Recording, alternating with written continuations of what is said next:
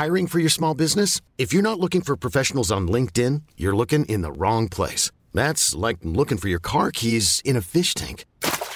LinkedIn helps you hire professionals you can't find anywhere else, even those who aren't actively searching for a new job but might be open to the perfect role. In a given month, over 70% of LinkedIn users don't even visit other leading job sites. So start looking in the right place. With LinkedIn, you can hire professionals like a professional. Post your free job on linkedin.com slash achieve today.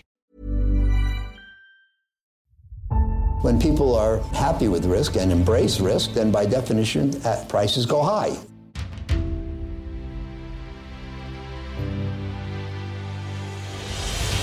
When the cycle turns down, they generally sell at prices that are far too low. This is not about getting more information. We live in a world where we have too much data. I'm uh, happy to report another stable quarter. Hallå och välkomna tillbaka till Aktiesnack. Det här är en podd som görs av mig, Magnus Skog och Peter Westberg. Och den görs i samarbete med Kalkyl. Och eh, idag ska vi gå igenom Research som är ett av mina tre topics inför 2023. Peter ska prata lite konkurrensfördelar och sen så ska vi ha lite spaning också. Och eh, hur är läget med dig Peter? Det är mycket bra tack Magnus, hur är det med dig? Ja, det är bra jäkla rivstart på året, eh, vilket typ ingen trodde, så det är lite kul. Verkligen, och det känns ganska bra att year to date-grafen äntligen, äntligen är positiv. ja, det var ett tag sedan. Men vi tänkte börja med eh, den här ständigt aktuella Tesla som vi många gånger har pratat om. Och det här har ju varit den stora snackisaktien i världen senaste månaden förmodligen med tanke på att den har gått ner över 50 procent senaste tre månaderna samtidigt som index ändå har gått helt okej. Okay. Och det blev ju en riktig kalldusch där förra veckan också när man missade estimaten på sina leveranser trots att estimaten hade sänkts någon vecka tidigare och trots att Tesla har gått ut med rabatter för att försöka nå sina leveransmål som man alltså ändå inte gjorde. Och jag tror aktien gick ner 14% där ett tag under en dag. Och rabatterna fortsätter väl också? Ja, de ökar dem både geografiskt till flera platser och beloppen. Så att, eh, Precis. Det är ju lite det som jag berört tidigare. Det är, konkurrensen borde ju rimligen vara på väg i fatt nu och med en svikande konjunktur så borde ju inte folk handla lika mycket premiumbilar. Och dessutom så hade ju nyförsäljning av bilar ett tillfälligt uppsving under 2020 och 2021 på grund av att begagnade bilar blev så oerhört dyra. Och det var ju faktiskt lite som en sidogrej det som drev inflationen från början 2021. Att det var ju ofta du kunde köpa en begagnad bil till samma pris som en ny bil. Och det gjorde ju då att många valde en ny bil istället. Så har du börjat korta Tesla igen då Magnus? Nej, det har jag definitivt inte. Men det, blev, så... det, det blev en fin affär. Det blev en fin affär. Jag började i höstas, stängde det i december. Och jag tror definitivt inte att de kommer uppnå de här målen som de har om att växa 50% om året under många år framöver. Jag ser det som i princip omöjligt med tanke på hur, hur läget är för bolaget just nu med konkurrenssituation och liknande. Men med det sagt så handlas ju faktiskt aktien till EV-EBIT 27 nu. Och visserligen så är ju det extremt dyrt jämfört med konkurrenter som ofta handlas till kanske 8, 9, 10 i ebit. Men samtidigt så är det ju inte den här orimliga värderingen som var tidigare. Så att jag kommer inte köpa nu, men jag kommer definitivt inte korta på den här uh, värderingen heller. Jag kommer helt enkelt stå bredvid och titta på och uh, mitt base kan säga att aktien går ner lite till, men det är inte sådär orimligt dyrt längre. Ja men det håller jag med om. Sen handlar det väl också mycket om hur nära de är sin peak margin. Jag har inte koll på det, men vet du vad de har i ebit-marginal? Alltså de har ju en otrolig ebit-marginal för att vara en, eh, ett bilföretag. Men sen så har de ju typ ingen marknadsföring heller, vilket är rätt sjukt att de inte har det. Mm, precis. Det är ju word of mouth och att de hade en, helt enkelt en väldigt överlägsen produkt tidigare som gör att de inte behövde riktigt ha marknadsföring. Och det är väldigt unikt. Och det kanske de också får via Elon Musk. Att det är han som är protagonisten och ansiktet utåt. Ja men verkligen, han har ju varit en reklampelare för, för bolaget. Precis, och eh, just brand ska jag ju prata lite mer om senare kan jag tillägga då som konkurrensfördel. Ja, men det, det kan du gå in på redan nu tänker jag. Ja, som Magnus sa tidigare då så har jag inget case att bjuda på idag. Däremot då så har jag någonting som troligtvis kommer vara ännu mer intressant att lyssna på och förhoppningsvis också mer lärorikt. Idag ska jag nämligen prata om olika typer av konkurrensfördelar då och det är även känt som moats. Det var ju Warren Buffett som myntade då begreppet moat, som betyder vallgrav på engelska, på Berkshire Hathaways årsstämma 1995 när han sa så här. What we are trying to do is to find a business with a wide and long lasting moat around it, surround protecting a terrific economic castle with an honest lord in charge of the castle. It can be because it's the low cost producer in some area. It can be because it has a natural franchise because of surface capabilities. It could be because of its position in the consumer's mind. It can be because of a technological advantage or any kind of reason at all. Så, det Warren Buffett kort och gott menar här, det är ju såklart att han vill investera i bolag som då på något sätt är svårt att konkurrera mot. Och det här begreppet slänger ju jag och Magnus, eh, vi slänger omkring det här begreppet hela tiden i podden, för vi tycker att det här är oerhört centralt när det kommer till fundamental research. Och det tänkte vi bena ut idag helt enkelt. Vi har gjort lite avsnitt tidigare om kapitalallokering, när vi liksom har gått på djupet på även då bolagskommunikation till exempel. Men vi har ju faktiskt aldrig, Magnus, gått på djupet på vad konkurrensfördelar faktiskt är och vad vi menar. Det stämmer. Vad är skillnaden mellan att ett bolag har en bra moat och inte har det? Jag skulle säga att en moat är direkt kopplat till finansiella resultat. Och det en moat gör är ju att ett bolag kan få hög avkastning på investerat kapital på grund av någonting strukturellt. Och det behöver inte vara någonting som är tangible, alltså någonting som, som går att ta på, utan det kan ju också vara till exempel, som vi pratade om tidigare, någonting som är immateriellt. Och konkurrensfördelar kan ju ta form på väldigt många olika sätt, men när vi ändå är inne då på just immateriella saker så kan vi nämna till exempel då varumärke. Och då pratade vi om Tesla tidigare, att de i princip då inte har någon typ av marketingkost, vilket då såklart gör att de får en högre marginal. Det skulle kunna vara en typ av moat. Och just varumärke kan ju vara lite luddigt. Alltså vad betyder det egentligen då att ha ett varumärke då som konkurrensfördel? Skulle du vilja försöka sätta ord på det, Magnus? Jag har min take. Jag ska bara grilla dig lite. Jag sätter mig här på pottkanten. Men eh, det är väl helt enkelt att eh, man har associationer till ett, eh, ett varumärke. Så exempelvis då om du ser en Coca-Cola-burk så får du en viss känsla och du känner en viss känsla när du dricker det. Och det gäller ju då att ha det här kopplat till ett varumärke så att folk vill använda produkten för de får personen att känna på ett visst sätt helt enkelt. Mm. Ja, men jag håller med. Jag skulle säga att det innebär då psykologiska fördelar hos konsumenterna. Alltså då ett bolag blir det naturliga valet på grund av någon psykologisk fördel. Så skulle man väl kunna definiera det.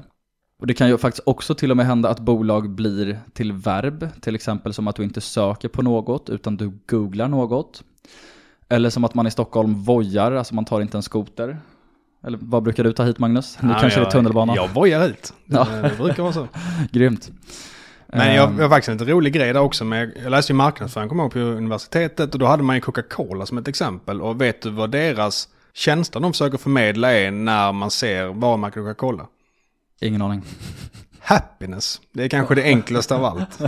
så de försöker få en att bara känna glädje när man ser Coca-Cola. Mm. Det är liksom jultomten som kommer och det lyser. Det är olika videos där Ja. man är dansar och är glad och så vidare. Så att det, det är ju Jo, jäkla, det är en känsla som de flesta gillar. Så det är inte helt dumt. Absolut. Men det finns ju också många olika aspekter av branding kan man säga. Alltså vissa skapar ju starka brands mot high-end consumers, som till exempel lyxindustrin. Och då tillverkar man då i begränsade upplagor och säljer produ- produkter som bara egentligen väldigt förmögna människor har råd med. Och här skapar man ju också väldigt häftiga stories då kring produkterna och bolagen, lite som du sa där. Det vill säga att man vill ju skicka någon typ av signal då, som Coca-Cola då, Happiness till exempel, med Magnus som källa på det. Sen så har ju vissa brand i termer av trust och då kan vi ju ta Amazon som exempel, att man har väldigt snabba och pålitliga leveranser, låga priser. Och vissa levererar ju bäst teknik och det kan vi ju knyta an till Buffetts quote där också. Det är lite kul faktiskt för att han äger ju faktiskt Apple också, men då tänkte jag nämna att Apple har ju en moat i att de faktiskt levererar bäst produkter, tycker i alla fall jag. Och vissa saker inom branding tycker jag är värda att lyfta lite extra och det här har vi faktiskt pratat om tidigare i podden men just inom luxury så är det ju otroligt häftigt att om då priserna höjs inom luxury så kan faktiskt efterfrågan öka parallellt vilket egentligen inte klingar alls väl med ekonomisk teori men det är faktiskt så det funkar i praktiken och teori och praktik skiljer sig ganska ofta men tänk liksom att kunna begränsa sin produktion, dra ner på lagerkostnader och samtidigt då öka efterfrågan och brand value. Och här har vi då till exempel Rolex, Patek Philippe och andra luxury brands som är väldigt kända för att jobba på det här viset. Och ett väldigt klassiskt exempel där är väl också en chokladask. Eh, om du till exempel går bort på en middag så kan du ge en chokladask som kostar, vad det nu kan vara, 60-70 kronor. Men skulle den kosta 20 kronor eller vara eldorado chokladask, då kanske det känns lite snålt att ge bort det. Så då vill man ha någonting som är lite dyrare till och med. Mm, absolut. Och för att runda av då snacket här om varumärken så vill jag också säga att det är ju såklart väldigt svårt att kvantifiera det här. Men det betyder såklart inte att det inte går att identifiera. Så du får rätta mig om jag har fel här Magnus, men när det kommer till analys av ett varumärke så tycker i alla fall jag att det blir mycket kvalitativ analys och fingertoppskänsla, även om man då såklart kan hitta det i, i böckerna med, till exempel som med Tesla och deras nästan obefintliga marketingkost, till exempel. Nej men jag, jag håller med. Det blir lite fingertoppskänsla. Man kan ju ofta se det i siffrorna men det är svårt att härleda exakt vad som mm. är vad. Så det handlar ju ja, mycket exakt. om uh, hur du uppfattar brandet och hur du tror att andra gör det. Ja, precis så. Och ska man sammanfatta det så är det ju då som sagt det handlar om att skapa någon typ av psykologisk fördel och socialt förankrat konsensus skulle jag säga. Så där har vi varumärke. Har vi någon annan konkurrensfördel som du vill nämna Magnus? Vi har väl eh, switching costs. Mm, absolut. Och den kommer ju faktiskt också i många varianter, men ofta pratar man ju om switching costs inom just mjukvara. Och det kanske vanligaste exemplet på switching cost är ju Microsoft med sina olika mjukvaror. Salesforce är ett jättebra exempel också tycker jag, den gigantiska CRM-leverantören. Och många kunder har ju till exempel sina filer uppladdade i Microsofts moln och kunder är också vana att jobba i Microsofts mjukvara, alltså i de här 365-systemen och då har man ju då produkter som Word och Excel och så vidare. Och den stora kostnaden här, det är ju inte det faktiska bytet av mjukvara. Kostnaden är ju snarare då hänförlig till att anställda då ska vänja sig med att jobba i nya system, vilket tar tid och kostar pengar. Så ska man sammanfatta vad switching costs innebär så är det ju inte så svårt egentligen. Det är ju precis vad, vad liksom begreppet säger, alltså switching costs, då att det kostar att byta ut någonting. Men många tror nog att det handlar om pengar. Men det handlar ofta om, om tid skulle jag säga, vilket då blir i sin tur pengar såklart. Och det är då framförallt hänförligt till mjukvarubolag, alltså när man brukar prata om just den här konkurrensfördelen. Jag håller med där och eh, som exempel skulle jag väl kunna ta nästan ett bolag som hade en omvänd mot. Och det var ju XM Reality som hade några VR-glasögon. en omvänd mot? men för att exemplifiera det. Fan vad ruthless. Jag är taskig. Men, eh, men de hade då VR-glasögon som, som eh, servicepersonal skulle ha på sig. Och kunna guida folk genom dem. För att personen som hade det här problemet skulle själv kunna byta ut sladdarna och så vidare. Och problemet där var ju att servicepersonalen behövde då börja jobba på ett nytt sätt. De var kanske vana vid att under 30 års tid så hade de åkt ut till eh, fastigheten där det var några problem med sladdarna och så åtgärdade de det själva. Nu skulle de hålla på genom VR och guida folk och så vidare. Och det var ju förmodligen någonting som de flesta sådana här servicegubbar och gummor på 60 år inte ville göra. Och det gick också trögt för försäljningen och jag tror att det har ju då varit switching cost som har varit eh, deras problem istället. Det var ett nytt begrepp faktiskt, omvänd mot. Det, det ska man akta sig för. Ja, då går det illa. Och nästa konkurrensfördel det är nätverkseffekter. Och det här är faktiskt en av mina absoluta favoriter som jag också har i min portfölj mycket av. Och definitionen av en nätverkseffekt är att tjänsten blir starkare parallellt med att antalet användare ökar. Och ett superbra exempel på det här det är Airbnb som vi också har gjort en deep dive på i podden tidigare. Så att om en resenär ansluter till Airbnb så blir tjänsten mer attraktiv för de som hyr ut bostäderna och även då åt andra hållet. Det vill säga om det finns fler som hyr ut bostäder så blir det mer attraktivt för resenärer. Så det här är ju en väldigt klassisk two-sided network effekt som man säger. Och här tycker jag också att det är intressant att dela upp nätverkseffekter i globala och lokala. Så att exempel då på globala nätverkseffekter det är ju till exempel Visa, Mastercard och Airbnb och en lokal nätverkseffekt är till exempel Uber. Alltså om Uber adderar en till resenär eller en till bil i New York så kommer inte det förbättra deras tjänst i Stockholm, till exempel. Men Airbnb, Visa och Mastercard, det är faktiskt globala nätverkseffekter och det tycker jag också att man bör alltså verkligen skilja på när man tittar på sådana här bolag och försöker då konkretisera deras konkurrensfördel. Och några av de absolut mest framgångsrika bolagen har ju blivit det på grund av nätverkseffekter, i alla fall i min bok. Och då är det ju ofta sådana som kan ha en nätverkseffekt i väldigt stor skala. De kanske bästa exemplen är väl Visa, Mastercard, Amazon, Alibaba. Vi har ju Mercado Libre som är Latinamerikas största bolag till exempel. Facebook, om ingen är inne där Ja. så är det inte så kul att använda den. Superbra exempel, sociala, media, social mediebolagen som Meta, som har då Instagram, Facebook, WhatsApp. Eh, vi har även Twitter, Snapchat, Pinterest börjar bli stora och så vidare. Och här tycker jag också att det inte alltid är jättelätt att definiera en nätverkseffekt. Skulle du till exempel säga att Netflix och Spotify har nätverkseffekter? Ja, inte egentligen. Det kanske är att man får mer resurser till att utveckla produkten om det är fler som använder den. Men det spelar ju egentligen ingen roll för mig om det är 10 miljoner eller 1 miljon användare. Alltså det blir att de kan köpa in mer content så att det blir ju mer attraktivt för mig ju mer pengar de får in. Så att på ett sätt är det, men samtidigt så är det inte så att det blir bättre för att det är fler användare. Nej men exakt, det är lite dit jag vill komma. Att så här, det är ju inte deras liksom, core mode. Alltså Netflix pratar ju mycket om eh, deras skalfördelar. För att de primärt då producerar ju content själva. Och Spotify pratar mycket själva om liksom, UX alltså, och brand, det vill säga att de har liksom, överlägsen user experience på deras plattform.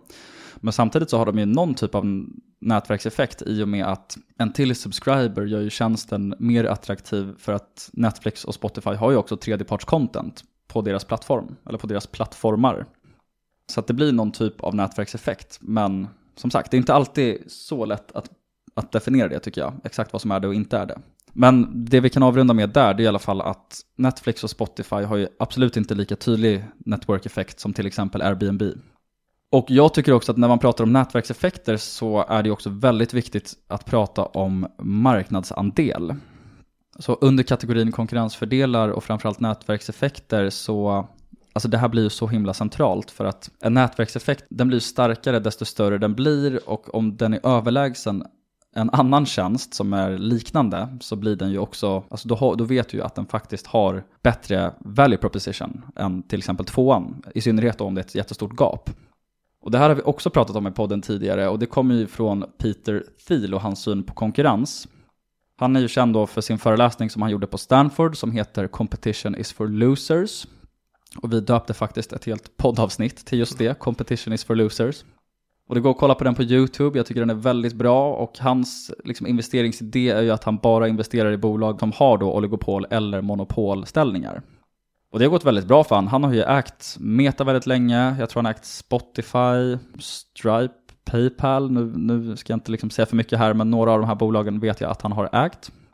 Och återigen då, har du en nätverkseffekt då kopplat till hög market share så blir det här otroligt, otroligt starkt. Och några av de bästa exemplen här det är ju då Amazon, Alibaba, Mercado Libre, Airbnb, Visa, Mastercard. Hemnet är ett jättebra exempel som vi har på hemmaplan. Har du något mer att tillägga på nätverkseffekter, Magnus? Nej, men jag tyckte du äh, täckte det bra. Och det är ju en väldigt stark äh, mot när man väl får till det ordentligt. Det är ju Precis. liksom Visa, Mastercard, Facebook. Det är ju helt otroliga mots de har på sitt sätt. Precis. Alltså så pass starka också så att, ja det, det har ju till och med blivit en juridisk grej att Instagram och Facebook har för stark marknadsandel. Sen ska man ju komma ihåg det att det kan ju komma modes från något eh, annat ställe. Liksom en tjänst som inte är riktigt liknande. Men som ändå tar din eh, och konkurrerar med dig. Som till exempel Facebook. Det tänker man det är ju social media, det är superstark nätverkseffekt. Men sen kan det ju komma någonting som snarare är ett sorts annat medium. Ja, som till exempel eh, TikTok. För det tar ju din mobiltid då och snor den. Även om det liksom inte är där du kanske skapar evenemang och bjuder in folk till fester. Så tar det så mycket av din tid du spenderar på din mobil att det blir en konkurrent, konkurrent till Facebook som man kanske inte tänkte från början. Precis, och det där tycker jag är väldigt intressant när man pratar om konkurrensfördelar. För vanligtvis så blir det ju att man bara tittar på alltså social media mot social media. Man kanske tittar på Instagram och tänker att Pinterest och Snapchat är närmsta konkurrenterna. För det där pratar ju också Evolutions produktchef Todd Haushalter, han har ju sagt att deras största konkurrent är Netflix, har jag för mig att han har sagt. Mm, jag tror det. Alltså just för att de tävlar om folks tid. Så att Evo per se har ju ett, alltså superstarka konkurrensfördelar mot deras konkurrenter. Men man ska också tänka på att det finns ju faktiskt andra konkurrenter utöver det som deras starka konkurrensfördelar faktiskt skyddar dem mot. Det vill säga, de har ju faktiskt inga konkurrensfördelar som skyddar dem mot timespent-tävlingen mot Netflix. Och sen så tänkte jag också prata om en konkurrensfördel som jag tycker det pratas otroligt lite om och den får alldeles för lite fokus. Och jag kallar den här konkurrensfördelen för interna synergier. Och då menar jag interna synergier mellan då både befintliga och nya affärsben. Och det här handlar kort om att bolag då får väldigt stora fördelar när olika affärsben överlappar och stärker varandra. Och det här var faktiskt någonting som investerarlegendaren Philip Fisher skrev om i klassikern Common Stocks and Uncommon Profits. Och några bolag som jag har top of mind, det är ju självklart då Mercado Libre och Limited, såklart för att jag äger aktier där. För Mercado Libre kan ju till exempel då driva sin kreditverksamhet väldigt kostnadseffektivt för att de driver in kunderna via sina befintliga plattformar där de har väldigt mycket users. Det vill säga på Mercado Pago som är deras fintech-plattform och då Mercado Libre som är deras e-handelsplattform. Och det här gör ju då att deras CAC, alltså Customer Acquisition Cost, den blir ju i princip noll, hävdar de själva i alla fall, till deras kreditverksamhet. Och det här är någonting som jag själv tycker är en otroligt tacksam mot. Men det pratas väldigt, väldigt lite om det här. Alltså jag har inte sett någon liksom ens sätta ett begrepp på det. Men, eller har du hört någonting liknande Magnus? Typ som interna synergier eller? Nej, faktiskt inte. Det kanske fått lite eh, dåligt rykte för att folk ofta överanvänder det. Alla vd vill ju säga att det är synergier i förvärv, det är synergier hit och dit. Medan det ofta inte är det. Så att det gäller nog att tänka efter och analysera själv. Är det en riktig synergi som det uppenbarligen är till exempel i Amazon eller man kallar Libre? Eller är det mer någonting ledningen säger? Alltså jag tycker ofta att synergier hör man ju nästan bara vid M&A skulle jag säga. Och då, då är det ofta kostnadssynergier man menar. Det vill säga att du har fasta kostnader som då slås ut på mer revenue för att du har förvärvat in ett bolag helt enkelt. Men sen ofta, ofta med de här större förvärven tycker jag också de säger att det är synergier till marknad och bla bla bla. Men det kanske inte alltid är det egentligen. Mm. Ja men precis, men det jag främst menar det är ju då att det finns liksom stora affärsben som hela tiden då typ göder varandra. Alltså till exempel som att, att Mercado Libre också har en fintech-plattform gör ju att de kan sälja saker billigare på deras e-handelsmarknadsplats till exempel. För att de har ingen då som behöver, de har inte den här då skatten som man kan säga inom situationstecken. Som de annars måste betala för någon annan som driver deras payments. Alltså det är en sjukt, sjukt stark konkurrensfördel som kommer hjälpa dem över väldigt lång tid när det här får compounda. Och sen slutligen då så måste jag också nämna någonting som är lite luddigt, men det är ju då kultur som moat. Och det här kanske är den svåraste moten att replikera och skapa skulle jag säga. Och då tänker jag på bolag som Berkshire Hathaway, Amazon, Costco, där det verkligen då sitter i väggarna exakt vad som ska göras och vad som förväntas och bolagets identitet. Och varför är då kultur viktigt? Jo, det innebär väl egentligen att anställda på ett bolag gör sitt jobb lite mer effektivt och lite mer produktivt än konkurrenterna, vilket då får väldigt stor effekt när det får compounda över tid. Och för att runda av allt snack om konkurrensfördelar så tycker jag ju att en grundfråga som alla ledningar borde jobba efter är ju då vad som kan bygga eller stärka bolagets konkurrensfördelar. Jag tycker alltså att den här frågan borde få väldigt mycket fokus när det kommer till bolagets strategi. Och det här har jag sagt innan, men jag brukar ju leta efter saker som indikerar att bolag tänker i den här banan. Och om ledningar då till exempel använder sig av begrepp som competitive advantage, network effects och så vidare i deras kommunikation så kan man ju faktiskt anta att de tänker på de här sakerna i alla fall. Om man inte då får det bekräftat till och med. Sen är det också intressant att många medvetet inte kommunicerar på det här sättet såklart, eftersom många vill dölja sina konkurrensfördelar av olika skäl. Så man vill ju till exempel inte att andra ska kopiera en. Man kanske inte vill utsättas för juridiska påtryckningar som fangbolagen under de senaste åren. Så det är också ett intressant perspektiv, så att man ska heller inte vara för judging tycker jag. Alltså det är inte konstigt att om du söker igenom alla transcripts på till exempel Meta, då kommer du inte höra Mark Zuckerberg prata om competitive advantages. Nej men det är en ganska svår grej att hitta ofta. För att om man tar till exempel det här med kulturen, hur ska man kunna se det utifrån? Eller till exempel om det då är som du säger att man har någon konkurrensfördel, någonting man, är väldigt, man gör väldigt bra som de andra inte gör.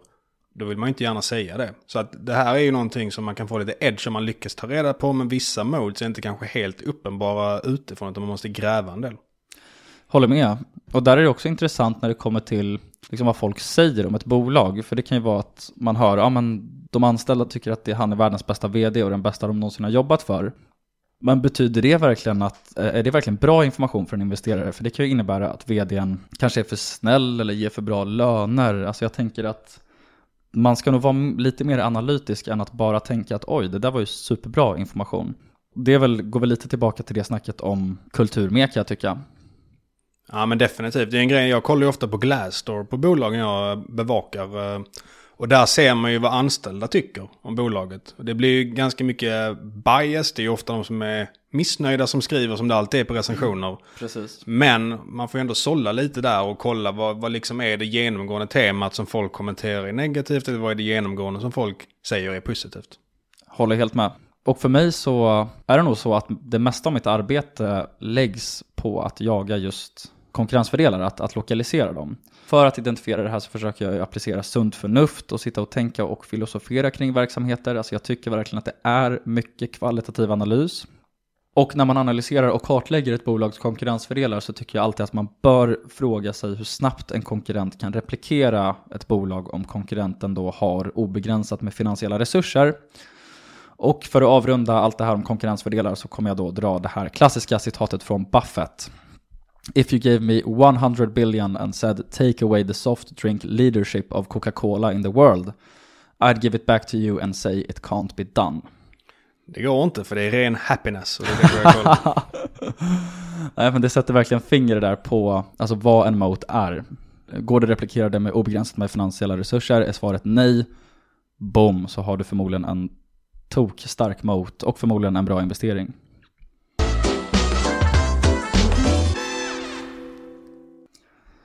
Men nu ska vi prata lite förhoppningsvis mer moat. Du har ett case idag Magnus. Kanske det blir. Det blir lite research eh, som jag har eh, indikerat att jag har köpt eh, på senaste tiden. Och det är ett nytt bolag för mig. Som är en sektor som jag inte brukar kolla på så mycket, nämligen medtechbolag. För där brukar värderingarna ofta vara ganska höga, vilket jag inte gillar. Men jag tycker att i research så får man det som är bra med medtech. Att det är höga bruttomarginaler, det är ocyklisk verksamhet och det är strukturell tillväxt. Och man får också det till en ganska rimlig multipel. Man har EV Sales 3,8 idag, trots att man har över 90% i bruttomarginal. Och jag tycker att verksamheten verkar ha ett väldigt bra momentum. Jag tror att många bolag kommer ha fallande vinster under 2023. Men med Razer så ser jag ett väldigt intressant läge för jag tror att vinsten kommer växa ordentligt under det här året. Och det bolaget gör, det är att man säljer mjukvara som används vid behandling av cancerpatienter. Så exempelvis om man håller på med strålning av tumörer, då tar Research mjukvara och optimerar användningen av den här strålbehandlingen så att man inte skadar vävnaden runt tumörerna. Och man grundades 2000 som en avknoppning från Karolinska Universitetet. Någonting som jag tycker är viktigt att beröra direkt i caset, det är att man har ju fått ganska mycket stryk på börsen. Man stod i eh, 110 kronor 2019 innan covid. Och idag står man i 70 kronor.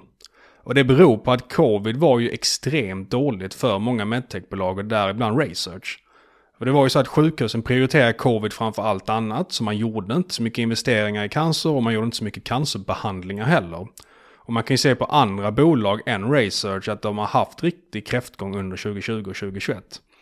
Och sen så är också Research ett globalt företag och möjligheterna till eh, att resa och träffa kunder och så vidare var ju mycket svårare. Dels för att de var upptagna med covid och dels för att det var reseförbud över världen helt enkelt.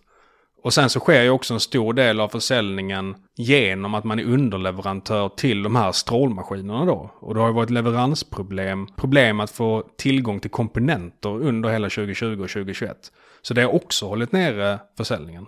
Men om man zoomar ut lite så kan man se att Research har en bra historik ändå. 2003 så omsatte man 34 miljoner kronor och hade 0,28 kronor i vinst per aktie.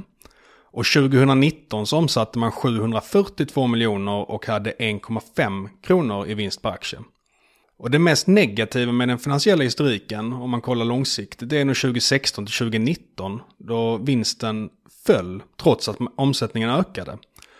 Och då hade man helt enkelt för dålig kostnadskontroll för att man ska ju helst inte se en minskande vinst när man har bruttomarginal på över 90% och omsättningen växer.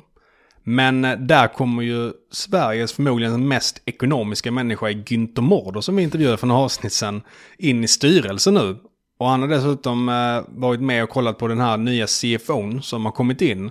Och enligt Günther så kommer han vara ett bra tillskott. Och jag tror att sparkungen Günther kommer förmodligen inte ta in någon som håller på att slösa på företaget direkt. Och dessutom så har man ett kostnadsbesparingsprogram igång i nuläget. Och jag tror att det finns nog en del onödiga kostnader som man kan spara ner på. Till exempel är det ett internationellt bolag och idag behöver man inte resa lika mycket vilket kostar extremt mycket för företag. Så man kan nog ta mycket lågt hängande frukt som att ta Skype-möten och så vidare. Har du någon koll på vart kostnaderna går till just nu? Alltså är det R&D eller marketing eller har du någon koll på liksom kostnadsbasen, vad den främst består utav? Men den är väldigt mycket R&D, vilket jag samtidigt tycker är ganska positivt. De har 35% av sales går till R&D.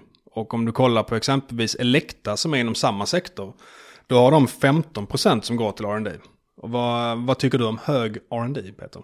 Alltså jag gillar det och det kommer lite från Philip Fisher-tänket att bolag är generellt ganska långsiktiga i deras tänk när man har mycket R&D spending Ja, men exakt, jag tycker också det är någonting positivt. Det är ju ett motbyggande som vi pratade om innan, att man har hög R&D för då kommer man förmodligen fortsätta ha en bra produkt. Och kollar man exempelvis på orderingången första nio månaderna i år, då växte Elekta som jag var inne på tidigare med 5% medan Research växte med 35%. Mm.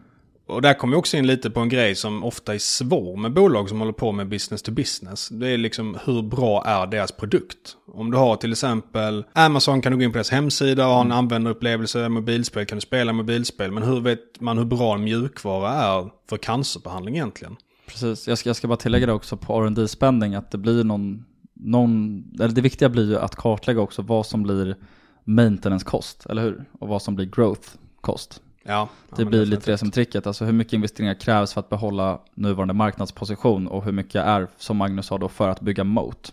Och det kan ju vara väldigt svårt, men man kan ju göra sina antaganden som alltid såklart som investerare. Nu får du fortsätta Magnus. Jag ska bara säga att det är bra med mjukvara är ju också det att man behöver förmodligen inte spendera mer R&D när mjukvaran växer. För det är bara ett och noll man säljer egentligen. Så den borde vara mm. samma oavsett. Ja som sagt då, för att jämföra kvaliteten på det man har, då tycker jag att det bästa sättet för en lekman som är själv, det är att jämföra hur går det jämfört med konkurrenterna. Och då ser vi ju, som jag var inne på tidigare, att man växer betydligt bättre än exempelvis Elekta och liknande. Och man verkar ju därigenom ha en relativt bra produkt. Hur liksom relevanta peers har de? Är det peers som gör exakt samma sak eller är det mer konglomerat som även har andra businesses?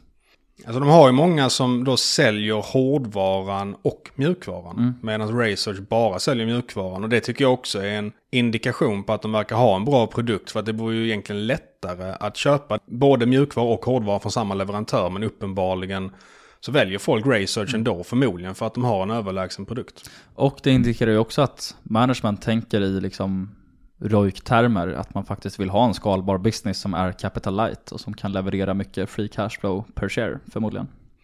Exakt. Och eh, lite det du var inne på tidigare med att aktivera eh, capex och liknande. Det är någonting som är väldigt viktigt att kolla på tycker jag, som många missar. Och det är ju att när du aktiverar en kostnad, istället för att ta en del av dina personalkostnader som kostnad, så säger du att det här är en investering och då lägger man det inte som en kostnad överhuvudtaget, men du skriver sen av det under flera år.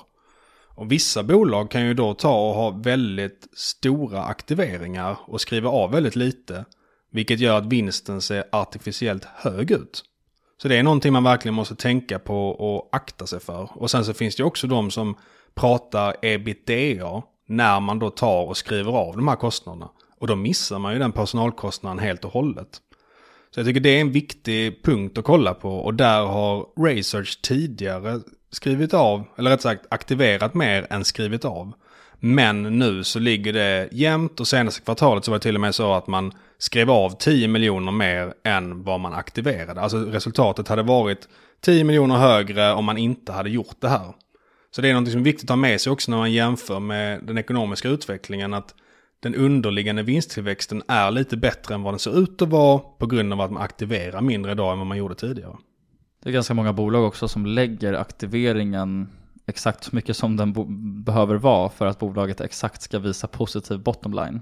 Exakt, och sen gömmer man det i några noter som inte går att hitta. Och för mig är det lite en red flag, men uh, Research är väldigt tydliga där. Staplar upp det i ett fint diagram, exakt hur mycket man kapitaliserar, hur mycket man skriver av och så vidare. Så att det är, det är plusstjärna i min bok. Snyggt. Sen har man också tre andra områden utöver då den här mjukvaran till strålterapimaskinerna. Exempelvis att man har ett informationssystem för cancerläkare där man kan hålla reda på scheman och personaljournaler och liknande. Men den absoluta majoriteten av försäljningen kommer då från den här grundbusinessen i strålterapin. Så det är den jag fokuserar på. Och de andra områdena är egentligen mer en option som skulle kunna bli väldigt bra. Men det är oklart i dagsläget om investeringarna där verkligen kommer att bära frukt. Så jag tycker att man kan ändå räkna bort de segmenten lite grann eftersom det är lite av en option och ändå tycker jag att man kan räkna hem griset. Sen eh, tycker jag att insiderägande är en rätt viktig puck att lyfta när det kommer till research. Eh, för det första så äger vd nästan 20% och en styrelseledamot äger 3,5% så det är hyfsat bra. Men går man in och kollar på insynshandeln så ser det ut som att det är väldigt mycket insiderförsäljningar av Ray Foundation som ägs av vdn. Men där är det viktigt att ha med sig att det är ett incitamentsprogram som finns för de anställda. Där det säljs av kontinuerligt som jag förstår det. Så det är ingenting som har något signalvärde i min bok. Och det är inte så att de säljer för att den är övervärderad kursen. Utan de säljer för att det här är ett incitamentsprogram där de gör det kontinuerligt. Så det är viktigt, för det var någonting som avskräckte mig från början. Jag gick in och sa att det bara var en lång röd lista med insiderförsäljningar. Men som sagt, det är ingenting man riktigt ska ta fasta på för mycket. Intressant. Och om vi då kollar på orderboken så är den på all time high, 1,7 miljarder vid utgången av senaste kvartalet. Sen så har de rätt mycket serviceordrar som är på lång sikt, vilket gör att orderboken borde vara på all time high varje år på grund av att man lägger in många order som ska levereras som kanske ett decennium ut eller fem år ut i alla fall. Men även om man inte fokuserar för mycket på att just den är på all time high så växer orderingången extremt mycket nu. Första nio månaderna så växte den 50% i år jämfört med föregående år. Och det verkar vara väldigt bra momentum även i Q4. Man har fått en order på 170 miljoner från Spanien. Man har kommit med tre nyheter nu efter nyår på order som man har fått. Och jag gick också in och kollade på ett bolag som man är underleverantör till. Ion Beam Technologies och kollade vad de säger om orderboken och liknande. Och de sa efter Q3 att the pipeline remains highly active in all businesses. Och vid senaste konf 31 augusti så kallade man, man sin pipeline extremely active. Det är ju ett bolag som Research har väldigt nära samarbete med. Och det är ju bra då att ha liksom bekräftelse från ett annat bolag att det också ser väldigt starkt ut för tillfället och att det är bra momentum. Sen har också de här Ion Beam tappat en konkurrent nyligen så att man har liksom ett litet tumrum i den marknaden som man kan fylla. Och då kommer ju Research vara underleverantör till det. Så att jag tror att inom den här protondelen som den heter tror jag också det kan vara fin tillväxt framöver. Hur ser den eh, finansiella ställningen ut då? Ja, men, eh, om vi kollar på eh, ebita, alltså resultatet, så låg de på nollresultat nu senaste 12 månaderna. Och det är ju på grund av det här med covid och liknande. Men jag skissar på att man gör 160 miljoner kronor i ebita nästa år, vilket då ger 16 i vinstmultipel vid nuvarande kurs på 70. Och det är ju en relativt mogen marknad det här, så man ska nog inte räkna med någon monstertillväxt efter den här catch-up-effekten 2023 som jag räknar med. Men även om man bara växer med 10%, håller bra koll på kostnaderna och då behåller sin bruttomarginal på över 90% så kommer väldigt mycket ramla ner på sista raden. Och jag räknar med att redan 2025 så har man en vinstmultipel på drygt 9. Och då skulle man i så fall ha en vinstmarginal på 20%. Och det kanske låter lite högt när man har nollresultat idag. Men 2017 så hade man 30% i rörelseresultatsmarginal. Och för ungefär 15 år sedan så hade man faktiskt 50% ett år. Tänkte säga det också, den höga bruttomarginalen på 90% är också en bra indikation för att också ebit och vinstmarginal har bra potential ju. Definitivt. Man kan få den här berömda trestegsraketen som eh, Petter Hedborg snackade om. Precis, och beroende också på vilka kostnader som gömmer sig där. Om det till exempel är då mycket på R&D skulle det kunna vara att man kan strypa det ganska snabbt faktiskt. Och det tar mig lite till värderingen, för man har ju EV Sales 3,8 idag. Och jag tror att om det här blir ett eh, högmarginal-case med fin tillväxt, då kommer man inte bara öka vinsten utan man kommer öka sin multipel också, vilket jag tror kommer kunna driva aktiekursen framöver. För att om du ser på många medtechbolag som har ganska knackig tillväxt egentligen så har ju de en EV sales-värdering som ofta är det dubbla mot vad Research har idag. Så jag tror att marknaden håller lite på och fortfarande prisar in det här covid-klimatet som aktien varit i. Jag inte riktigt ser den här vändningen som jag ser framför mig i alla fall. Sen ska man ju såklart göra den också, men med den ordboken man har så tycker jag att det är väldigt stor sannolikhet att man kommer lyckas med den. Mm. Och även om det är ganska svårt att konkretisera moten här, för att återkoppla till det, alltså på produktnivå, så är det ju faktiskt så att medtech som industri har ju generellt en ganska stark moat. Alltså den industrin karaktäriseras ju mycket av det för att det är en generell skepticism mot nya produkter. Och för att det är ganska många då som ska börja använda och lära sig i att jobba med den här mjukvaran. Så dels har du ju ganska långa processer för att då komma in och bli använd inom medtech, alltså som, som produkt eller tjänst. Och dels har du också då, man skulle kunna faktiskt benämna det som switching cost, eller vad säger du Magnus?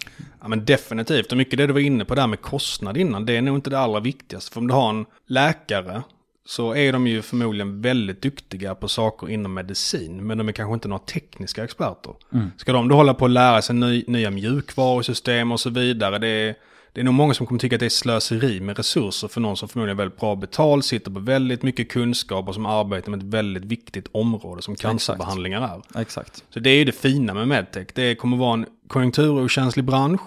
Det kommer vara strukturell tillväxt för att vi blir äldre mm. och då kommer vi också dra på oss mer sjukdomar med tiden. Och det är ju väldigt mycket switching-kost hos en arbetsgrupp som förmodligen inte är så benägna att hålla på med teknik och byta det. Precis så, och det gör ju också att marginalnyttan måste vara ganska hög för nästa tjänst som, som kommer in då och ska ta platsen från den befintliga. För att om någonting bara är lite bättre, säg 5 procentenheter, då kanske inte incitamentet eller kalkylen är så pass stark så att man motiverar att göra bytet. Så att det antar jag att du också håller med om, att då krävs ju också en väldigt, väldigt stor marginalnytta för att det ska kunna ske ett skifte. Absolut. Och jag tror också det är svårt för utomstående att hjälpa till när det kommer till medtech ofta. För att det är så specialiserat och så svåra områden med biologi och medicin och så vidare. Det kan inte vara en vanlig tekniknisse som bara kommer dit och kopplar in en sladd liksom. Precis. Så eh, med det så tänkte jag sammanfatta Research. Jag tror att eh, kostnadskontrollen som är den här stora frågan kommer man kunna lösa med hjälp av Günther Mårder, ny CFO och det här kostnadsbesparingsprogrammet man har. Jag tror att man ser på caset som att det är en, ett bolag som permanent kommer vara sämre på grund av covid. Men jag tror verkligen att det var en tillfällig effekt på grund av covid, vilket är fullt rimligt i min mening. Samtidigt som man nu ser på den här starkt ökande orderboken att det borde bli bra tillväxt framöver. Så att med en relativt låg värdering, framförallt för att vara medtech, så ser jag det här som ett fint innehav och eh, jag äger en signifikant position i min portfölj. Ett klassiskt mange-case skulle jag säga. Exakt, kanske också för Peter. Lite så här switching kost och grejer. det var väldigt fin pitch tycker jag. Ja, man tackar. Mm. Men eh, med det får vi nog eh, sammanfatta för idag. Vi börjar Tesla som vanligt. Research som är ett intressant case tycker jag att eh, man kan kolla mer på, men vi, har ju, vi håller ju aldrig på med rådgivning och rekommendation. Och sen framförallt kolla vidare på det här med konkurrensfördelar, för det är ju någonting som är väldigt viktigt inom investeringar och det tar ganska lång tid innan man greppar helt enkelt vad de olika faktorerna innebär och hur man kan analysera dem. Precis. Så med det sagt så eh, får vi ge ett stort tack för den här veckan så ses vi igen nästa vecka. Det gör vi och sen kan vi avslöja att vi har en väldigt, väldigt, väldigt spännande intervju som kommer nästa vecka eller veckan därpå. Den görs så nästa vecka men släpps veckan efter det. Ja, så, så blir det. ciao, ciao! Tack för att ni har lyssnat. Ha det fint, hejdå!